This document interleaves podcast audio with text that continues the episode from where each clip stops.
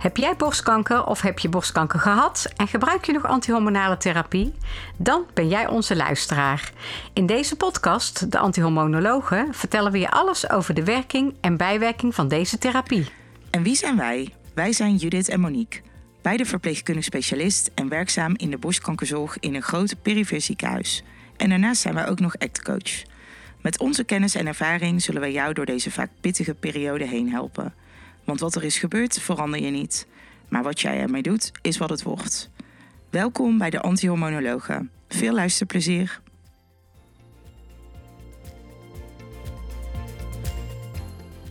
Welkom bij alweer de achtste aflevering van onze podcast. Wij zijn er even tussenuit geweest om te genieten van een heerlijke vakantie. Hopelijk hebben jullie ook genoten van een fijne zomer. Wij hebben weer helemaal zin om door te gaan met onze serie en jullie nog meer te vertellen over de behandeling en het omgaan met de antihormonale therapie bij borstkanker. Toen wij jullie een aantal weken geleden op onze Instagram een vraag stelden over wat je zou willen weten over voeding, kregen wij mega veel reacties. Waarvoor dank. Wij gaan proberen om al deze vragen zo goed mogelijk te beantwoorden in deze afleveringen. Oh?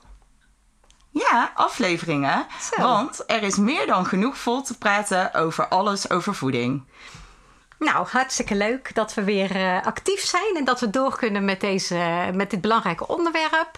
Zoals jullie van ons gewend zijn, is het goed om te beginnen met wat feitjes en cijfers.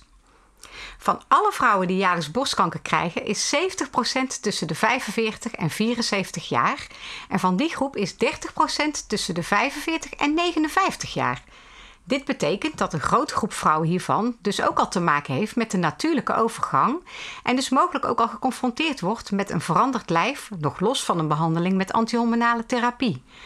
Wist je dat gemiddeld 45% van de vrouwen in de overgang tussen de 5 en de 10 kilo aankomt, mede door de dalende oestrogeenspiegel, wat vaak gepaard gaat met verandering van het silhouet. De overgangsleeftijd, binnen die uh, leeftijd vertraagt je stofwisseling, waardoor je minder energie verbrandt en meer vet vasthoudt.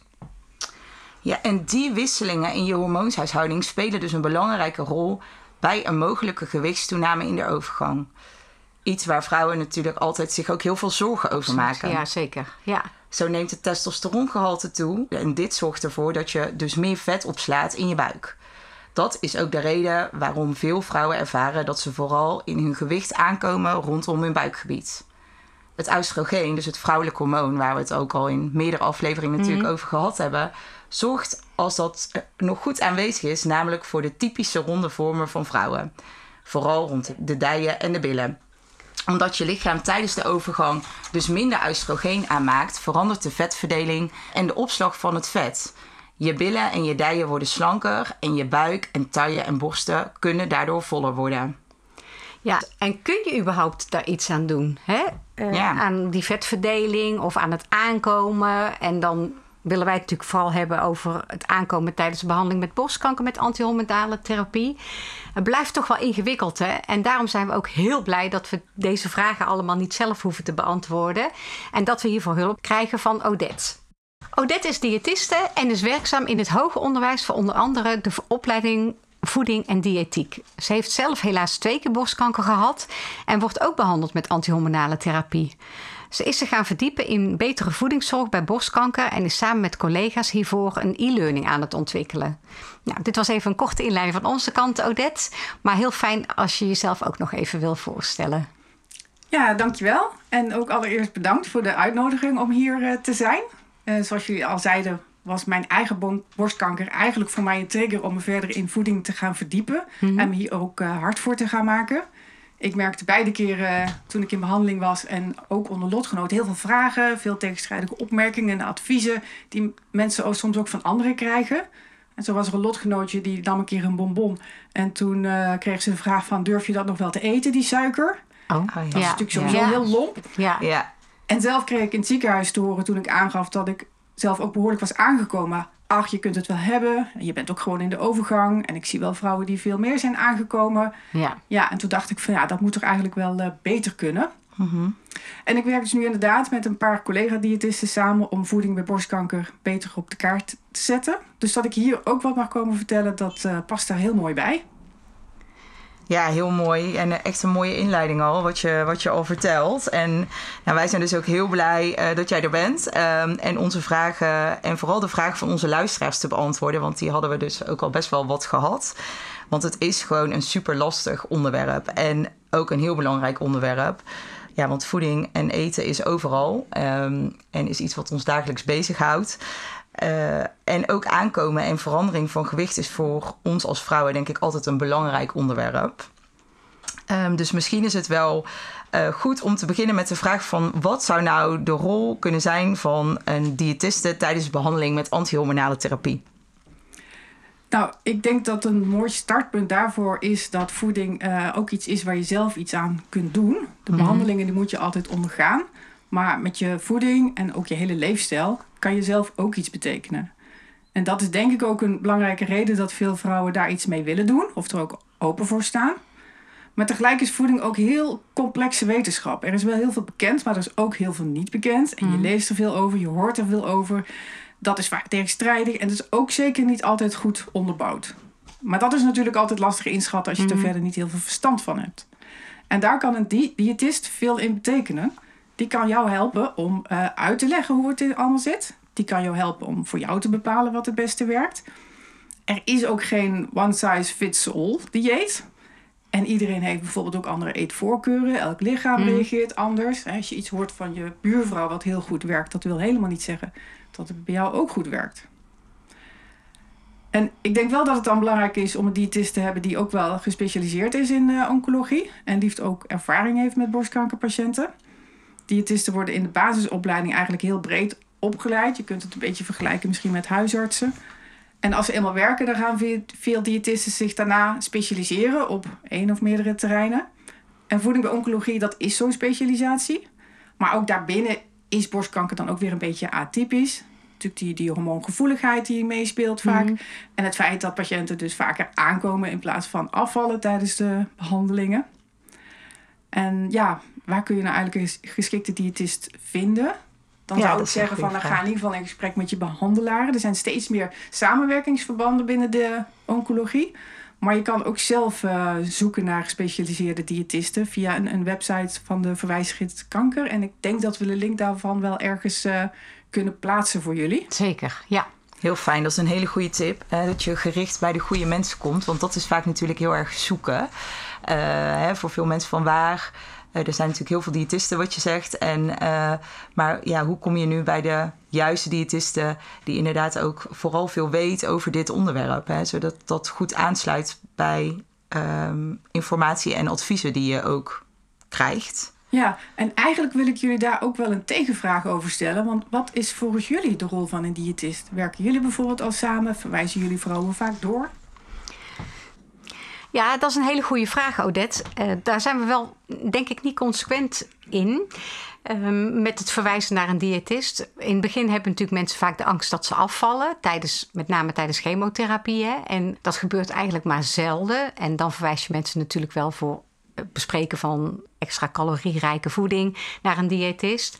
En tijdens eh, de behandeling met antihormonale therapie of al met chemotherapie, als mensen zeggen dat ze aankomen, dan begin ik vaak altijd wel zelf eerst met mijn eigen adviezen. En ik weet niet hoe dat jij daarin staat. Nee, hetzelfde. Ik denk dat we daar echt gewoon geen goed verwijsbeleid in hebben. Als ik kijk naar ons eigen ziekenhuis en praktijk, dat dat inderdaad vooral veel gebeurt als mensen echt er tegenaan lopen dat het niet lukt of niet goed gaat. Inderdaad, of dat er echt ondervoeding of echt zware gewichtstoename is, waardoor mensen met hun handen in het haar komen van ik weet het niet zo goed. Uh, we proberen daar in het begin zelfs in, zelf inderdaad vaak wel wat tips over te geven bij start. Maar helemaal eens dat wij dat niet structureel doen. Of dat daar een goed plan voor is. Of echt een samenwerkingsverband met diëtisten. Nee. En misschien ook wel te laat. Dat we misschien ook wel eens te laat verwijzen. Zeker, dat denk ik ook. Dus goed sowieso dat, daar, dat we daarover nadenken. En ons bewust van zijn. Dat we het misschien ook wel eerder doen. Of eerder moeten doen. Eerder zouden moeten doen. Ja. Ja. ja. ja. Ja. en wat natuurlijk toch altijd de allereerste vraag is van vrouwen voordat ze starten met antihormonale therapie, Odette. Is het nou zo dat je aankomt van antihormonale therapie? Nou, het is inderdaad zo dat helaas best wel veel vrouwen aankomen tijdens mhm. die antihormonale therapie. Uh, zelf ben ik ook aangekomen. Dat was trouwens al begonnen tijdens mijn chemotherapie. Ja. Toen ben ik nog meer aangekomen. En dat kwam toen voor mij heel erg onverwachts. En was ook een van de triggers om me daarin te gaan eh, verdiepen. Maar het is wel lastig te bepalen waardoor dat aankomen dan precies komt. Het directe effect van de therapie op het aankomen, ja, dat is wat onduidelijk. En Eigenlijk ehm, bij gewichtstoename spelen altijd meerdere oorzaken een rol. Jullie hadden het in de inleiding ook al over het feit dat je in de overgang komt. En veel vrouwen sowieso anders ook in de overgang zouden zijn of zouden komen. En dat betekent dat je lichaam al verandert. Dus je stofwisseling verandert, je vet wordt op een andere plek opgeslagen. En daar is eigenlijk ook niet eh, direct iets aan te doen. Het, Ja, jij bedoelt dat is ook wel echt een natuurlijk proces van het ouder worden en het veranderen Ja. van je stofwisseling. Ja. ja, dat is ook wel waarom we daar in de inleiding ook wel over begonnen waren. We zeggen eigenlijk ook altijd wel van, van de anti-hormonaaltherapie kom je niet per se in de overgang. Alleen je hormoonhuishouding verandert. Maar als je ook kijkt naar de grote groep vrouwen die helaas borstkanker krijgt, is die groep, daar zijn we ook in die inleiding mee begonnen. eh, die is natuurlijk in een leeftijd dat die overgang er ook op een natuurlijke manier aankomt. Dus eh, het, de, of de overgangsleeftijd of het ouder worden, waardoor je lijf sowieso verandert in die samenstelling. Dus dat is ook wel de tegenvraag zo van, joh, zit het er, wat je net ook wel goed zegt, van zit het er nu ook echt vast aan die anti-hormonaaltherapie? Of is het ook wel iets wat ja, hoort bij de fase waarin je je bevindt in de periode dat je dit krijgt, zeg maar. Ja, het ene sluit het andere misschien ook niet, niet uit. Het feit is in ieder geval dat je hormonen samenstelling gaat veranderen. Dus het, het, het gebeurt in ieder geval. En of het dan in meer of mindere mate komt door je leeftijd of door die hormoontherapie. Het effect is uiteindelijk wel hetzelfde. Hetzelfde, door ja. die stofwisseling verandert het. En mensen willen graag iets, een, een boosdoener aanwijzen. Ja, Ja, maar dat eens is, is niet Ja. zo een, een, een directe boosdoener. Ik, voordat ik borstkanker kreeg, verdiepte ik me ook al vaker in voeding bij de overgang.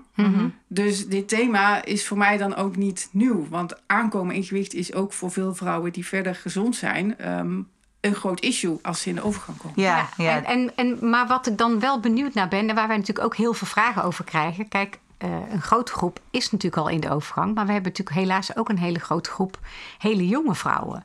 En daar krijg je vaak ook wel van terug. Van ik heb toch ge- gewichtstoename. Komt dat door die antihormonale therapie? Hoe zit het nou bij die grote groep? Ook best wel een grote groep. Hè? Ik vind dat wij best wel veel eh, jonge vrouwen hebben. Hoe zit het dan bij die vrouwen die aankomen? Ik kan me voorstellen dat dat, daar, dat toch ook komt door die veranderde stofwisseling. Omdat je toch dat oestrogeengehalte verlaagt. Ja, zeker. waardoor dus je lichaam... Het oestrogeen heeft heel veel werkzaamheden in het Ja. lichaam. Dus dat beïnvloedt heel erg veel. Nou ben ik zelf daar niet een specialist op. Maar ik, ik denk dat dat daar dan ook wel speelt. Ja, Dus je komt in een soort van... Je lichaam komt een soort van in een overgangssituatie.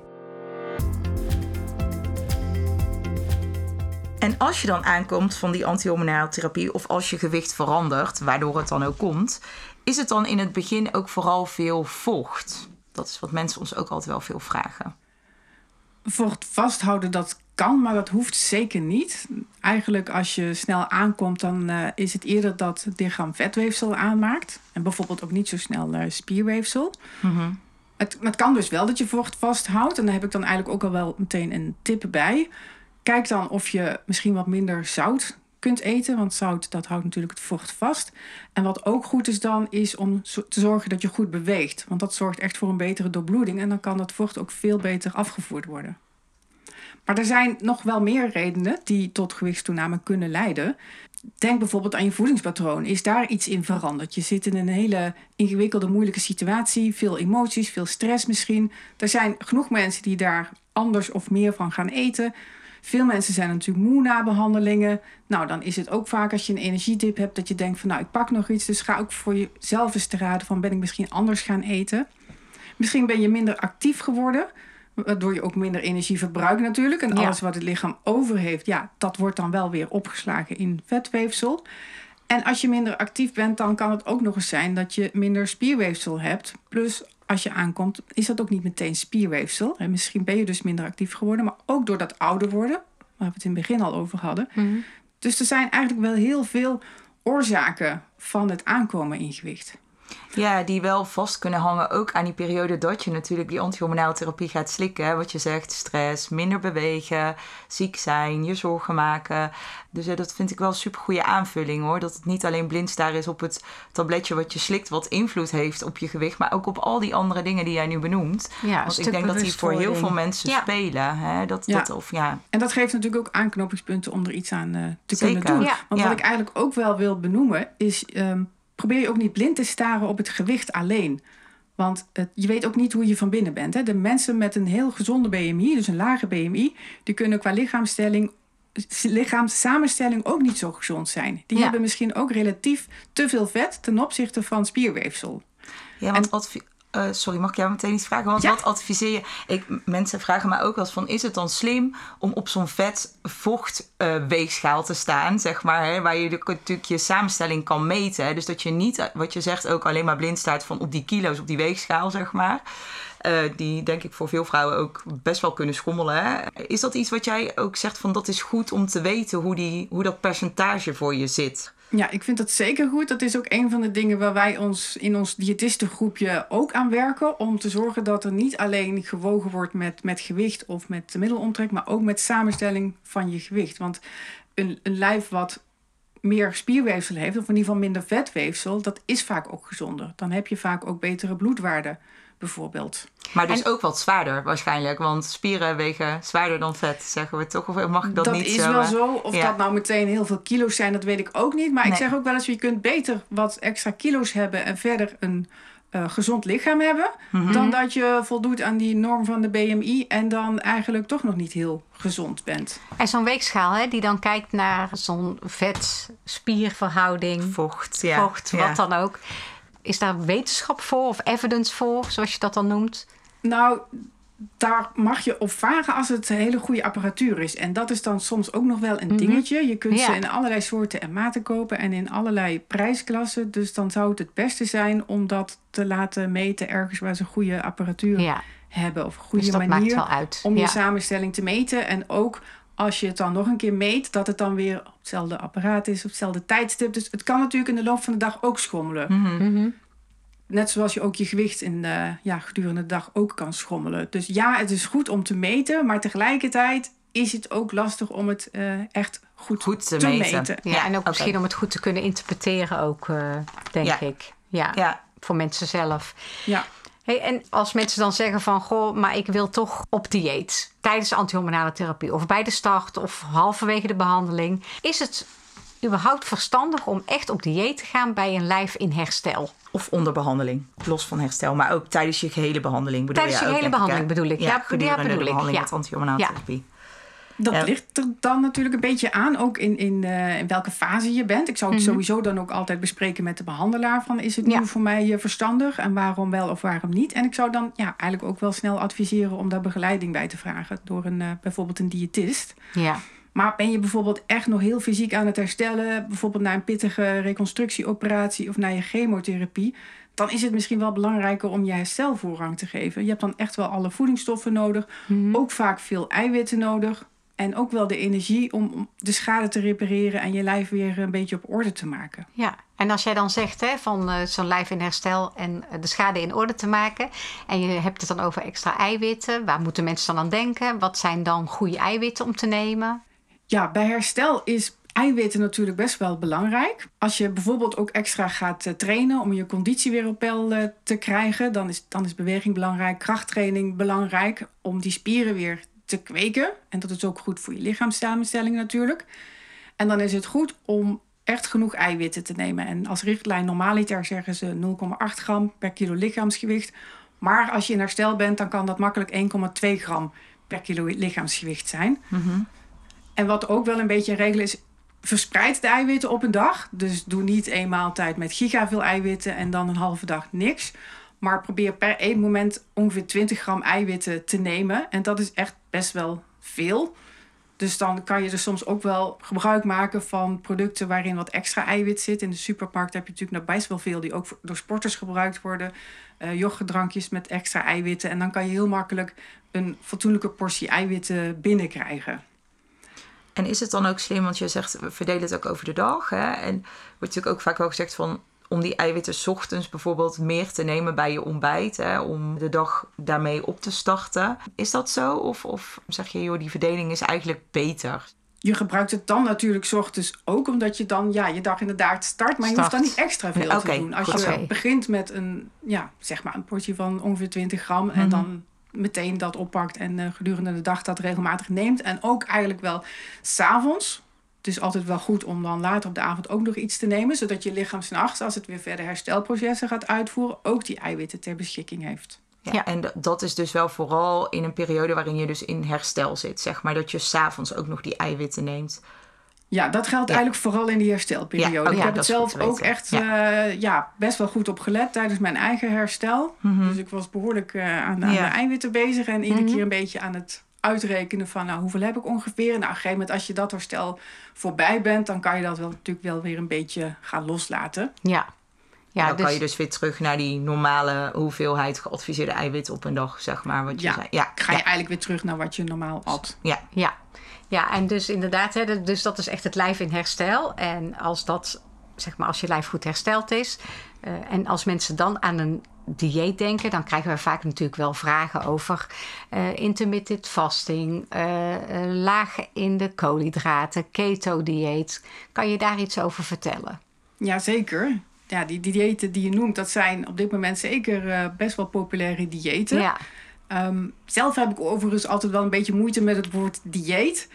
Want dieet, ja, dat impliceert eigenlijk vaak iets wat je tijdelijk doet met een bepaald doel. In dit geval om af te, af te vallen. Maar ik heb het eigenlijk liever op een, over een eetpatroon. Want Mhm. een eetpatroon, dat Ja, hou dat je ook eigenlijk makkelijker vol. Want dat Ja. is vaak het grootste probleem bij een dieet. Of als je heel anders gaat eten, is dat je het eh, niet zo goed volhoudt. Mhm. Maar goed, eh, eh, laten we toch eventjes nu diëten noemen. Ik zei in het begin al van, er is geen one size fits all dieet. Vergelijk het ook een beetje met sporten. De ene is goed in duursport, de andere die presteert beter in krachtsport. En vanuit jouw eigen specifieke situatie qua conditie en kracht... kan een personal trainer bijvoorbeeld adviseren wat voor jou, voor jou het beste zou werken. En zo kan je het ook een beetje zien met voeding. Dat werkt ook bij iedereen anders. De een kan misschien beter afvallen met een laag koolhydratendieet... en die andere misschien weer met intermittent fasting. En wat er in het algemeen gebeurt bij al deze diëten... is dat je vaak een bepaalde voedingsgroep... bijvoorbeeld koolhydraten bij la- laag koolhydraat of eh ketogeen dieet... of dat je minder uren gaat eten, zoals bij intermittent fasting... En daarmee ga je eigenlijk best wel minder producten eten. En dat comp- compenseer je ook niet altijd helemaal meer met andere producten of gedurende de uren dat je wel eet. Dus een van de gevolgen daarvan is dat je minder calorieën gaat eten dan je daarvoor deed. En dat je dan dus ook kunt afvallen. En daarnaast is het ook wel zo dat bij bepaalde diëten dat er ook andere lichaamsprocessen in gang worden gezet. Die kunnen dan wel weer het afvallen versterken. Dus die kunnen die effecten versterken. Dus om bijvoorbeeld te noemen bij intermittent fasting, dan gaat het erom dat je minstens 14 uur achter elkaar niet eet. En je lichaam maakt dan eigenlijk eh, wat ze noemen een metabole switch. En gaat in plaats van koolhydraten verbranden, gaat die vetzuren verbranden. En dat is natuurlijk wat veel mensen wel willen. En onderzoeken laten ook wel zien dat mensen daar vaak goed mee kunnen afvallen. En ook zijn daar andere goede effecten van gemeten, zoals nou, ja, een lagere bloeddruk of een betere insulinegevoeligheid. Alleen als je kijkt naar onderzoeken die meer de lange termijn effecten meten, dan blijkt vaak wel weer dat het niet zo heel veel uitmaakt welk dieet je volgt. En dat heeft dan weer vaak te maken met hou je het ook vol. Ja, Ja. dat. Ja, dat is wel goed wat je zegt. Ja. Hè? Het is natuurlijk vaak niet voor een korte periode dat je iets zou moeten aanpassen. Wat diëten natuurlijk vaak impliceren hè, en wat ze doen. Eh, het is iets wat je over de lange termijn zou moeten kunnen volhouden. En wat bij je past om een bepaald leef- of dan eetpatroon Ja. eh, vol te houden. En ik vind ook inderdaad de eetpatroon beter dan eh dieet. Dieet, Dat ja. klinkt ook inderdaad iets wat je voor lange termijn gaat doen. eh, wat je tweede natuur zou moeten worden dan. Maar wat jij ook zegt, hè, van niet alles past bij iedereen. Hè? Iedereen heeft natuurlijk een eetpatroon wat bij hem past. Kan je nou als je een intake doet met een cliënt als diëtist inschatten wat passend is bij die persoon? Dat probeert een diëtist natuurlijk wel zo goed mogelijk te doen. Ja. Ze kunnen natuurlijk niet jouw stofwisseling meten om dan te bepalen wat bij jou het beste zou werken. Dat is een, een toekomst waar wel onderzoek naar gedaan wordt. Hè. Personalized nutrition kan je bijvoorbeeld met een uh, ja, bloedprikje meten wat bij jou het beste zou werken. Maar je kunt natuurlijk wel in een goed gesprek aangeven wat je alles hebt geprobeerd. Ja. Hoe je normaliter eet, wat je wel kan hebben, wat je niet kan hebben. Voor mij geldt bijvoorbeeld als ik echt een aantal uren niet eet, dan word ik heel erg flauw. Dus voor mij mhm. zou denk ik intermittent fasting sowieso al niet echt een, een goede optie zijn. Dus dan zou ik al eerder voor een andere optie uh, kiezen. Mhm. En dat ja, low carb en, en keto dieet, misschien dat ik daar ook nog even wat meer over uitleg? Ja, zeker. Zeker. Ja, zeker. Ja. Want die hebben we net nog even overgeslagen. Ja.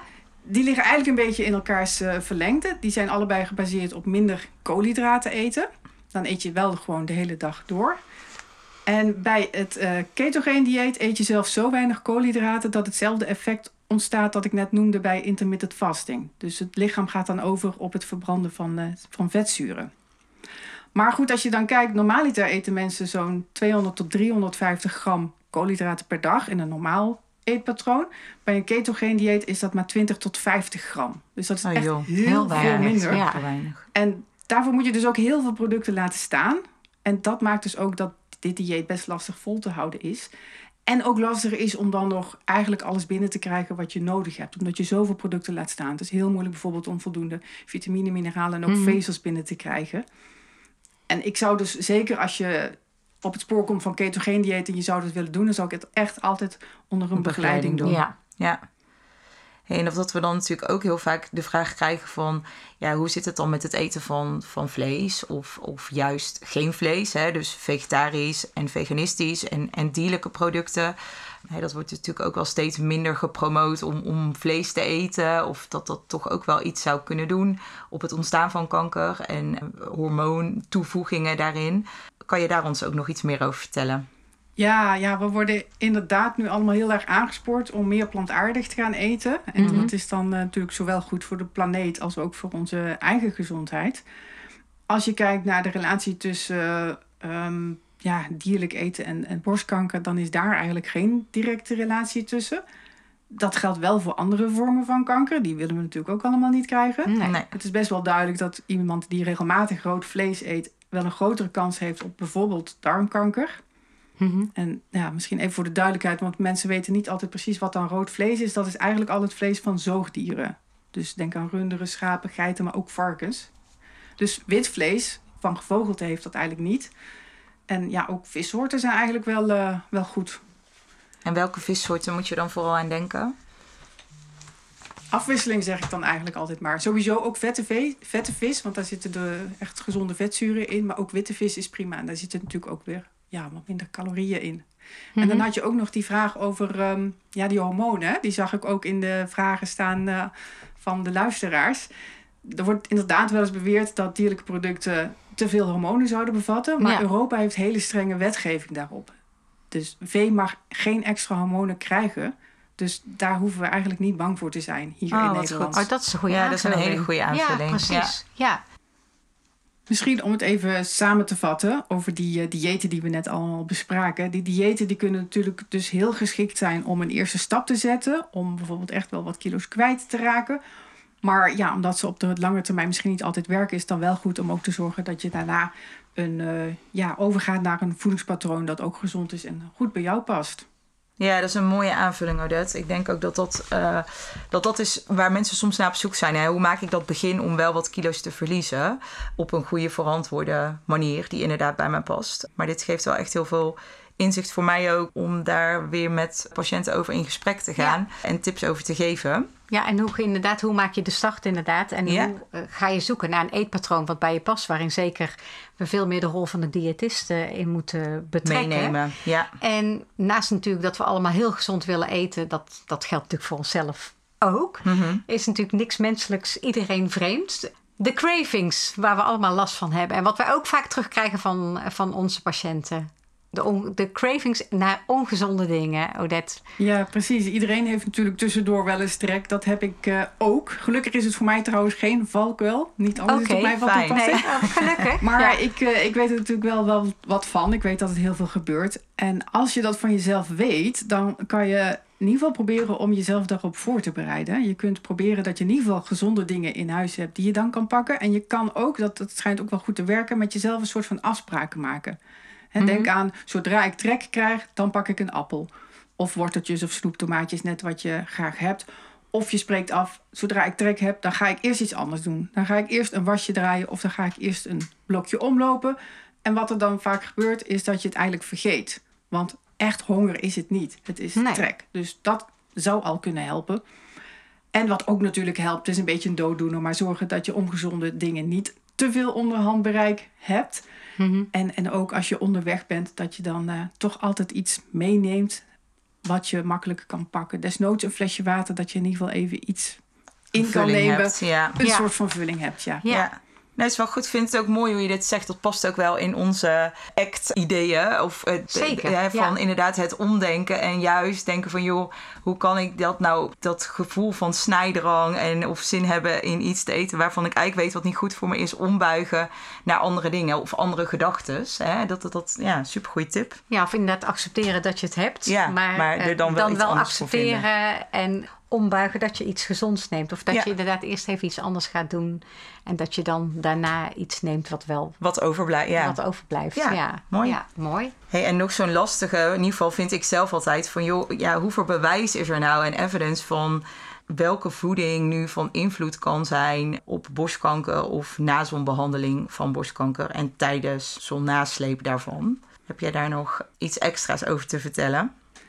Ja, het is helaas niet zo dat er echt specifieke anti-kankerdiëten zijn. Die bestaan gewoon niet. En er bestaan helaas ook geen superfoods, ook al wordt dat wel eens eh, beweerd. Ik legde al uit dat voedingswetenschap ook eh, heel ingewikkeld is. We eten Ja. ook geen losse voedingsstoffen, maar we eten hele producten. En dat ook nog eens in een hele maaltijd. Dus het is heel lastig om hele concrete effecten te onderzoeken. We hadden het al over dat ehm, ja, gewicht belangrijk is. Het is zo dat eh, overgewicht wel gerelateerd is aan een slechtere prognose en ook grotere kans op nieuwe borstkanker. Maar ook daarvan heb ik wel gezegd van let op dat eh, het gewicht alleen is niet het belangrijkste. Nee, het gaat ja. ook om een gezond lijf. Zelf heb ik, als we het dan hebben over accepteren, mijn extra kilo's geaccepteerd. En ik richt me op een zo gezond mogelijk lijf hebben. Ja. Er wordt nog wel steeds onderzoek gedaan naar effecten. Bijvoorbeeld het eten van sojarijke producten. Maar daar zijn nog geen hele duidelijke voordelen uitgekomen. Wat wel duidelijk is, of steeds duidelijker is, is dat alcoholgebruik de kans op borstkanker verhoogt. Mhm. Maar volgens mij gaan we het in de volgende afleveringen ook nog over specifieke producten hebben, zoals eh, soja en alcohol. Ja, dat klopt. Dus dat is mooi om daar inderdaad de volgende keer meer op inhoud eh, op in te gaan. Ja. Ja, helder. Ja, super waardevolle informatie. En ik denk dat we weer genoeg hebben om over na te denken en over na te praten. Heel erg bedankt voor jouw duidelijke, fijne bijdrage vanuit eh, meerdere kanten. Van al jouw expertise, maar ook eh, jouw ervaring die je daar natuurlijk zelf eh, in ondervindt. En we sp- bespreken inderdaad heel graag de rest van de onderwerpen die we nog hebben in een volgende aflevering. Ja, en we hopen natuurlijk dat jullie iets kunnen met al onze tips en informatie. En bedanken jullie hartelijk voor het luisteren en graag tot de volgende keer. Tot dan!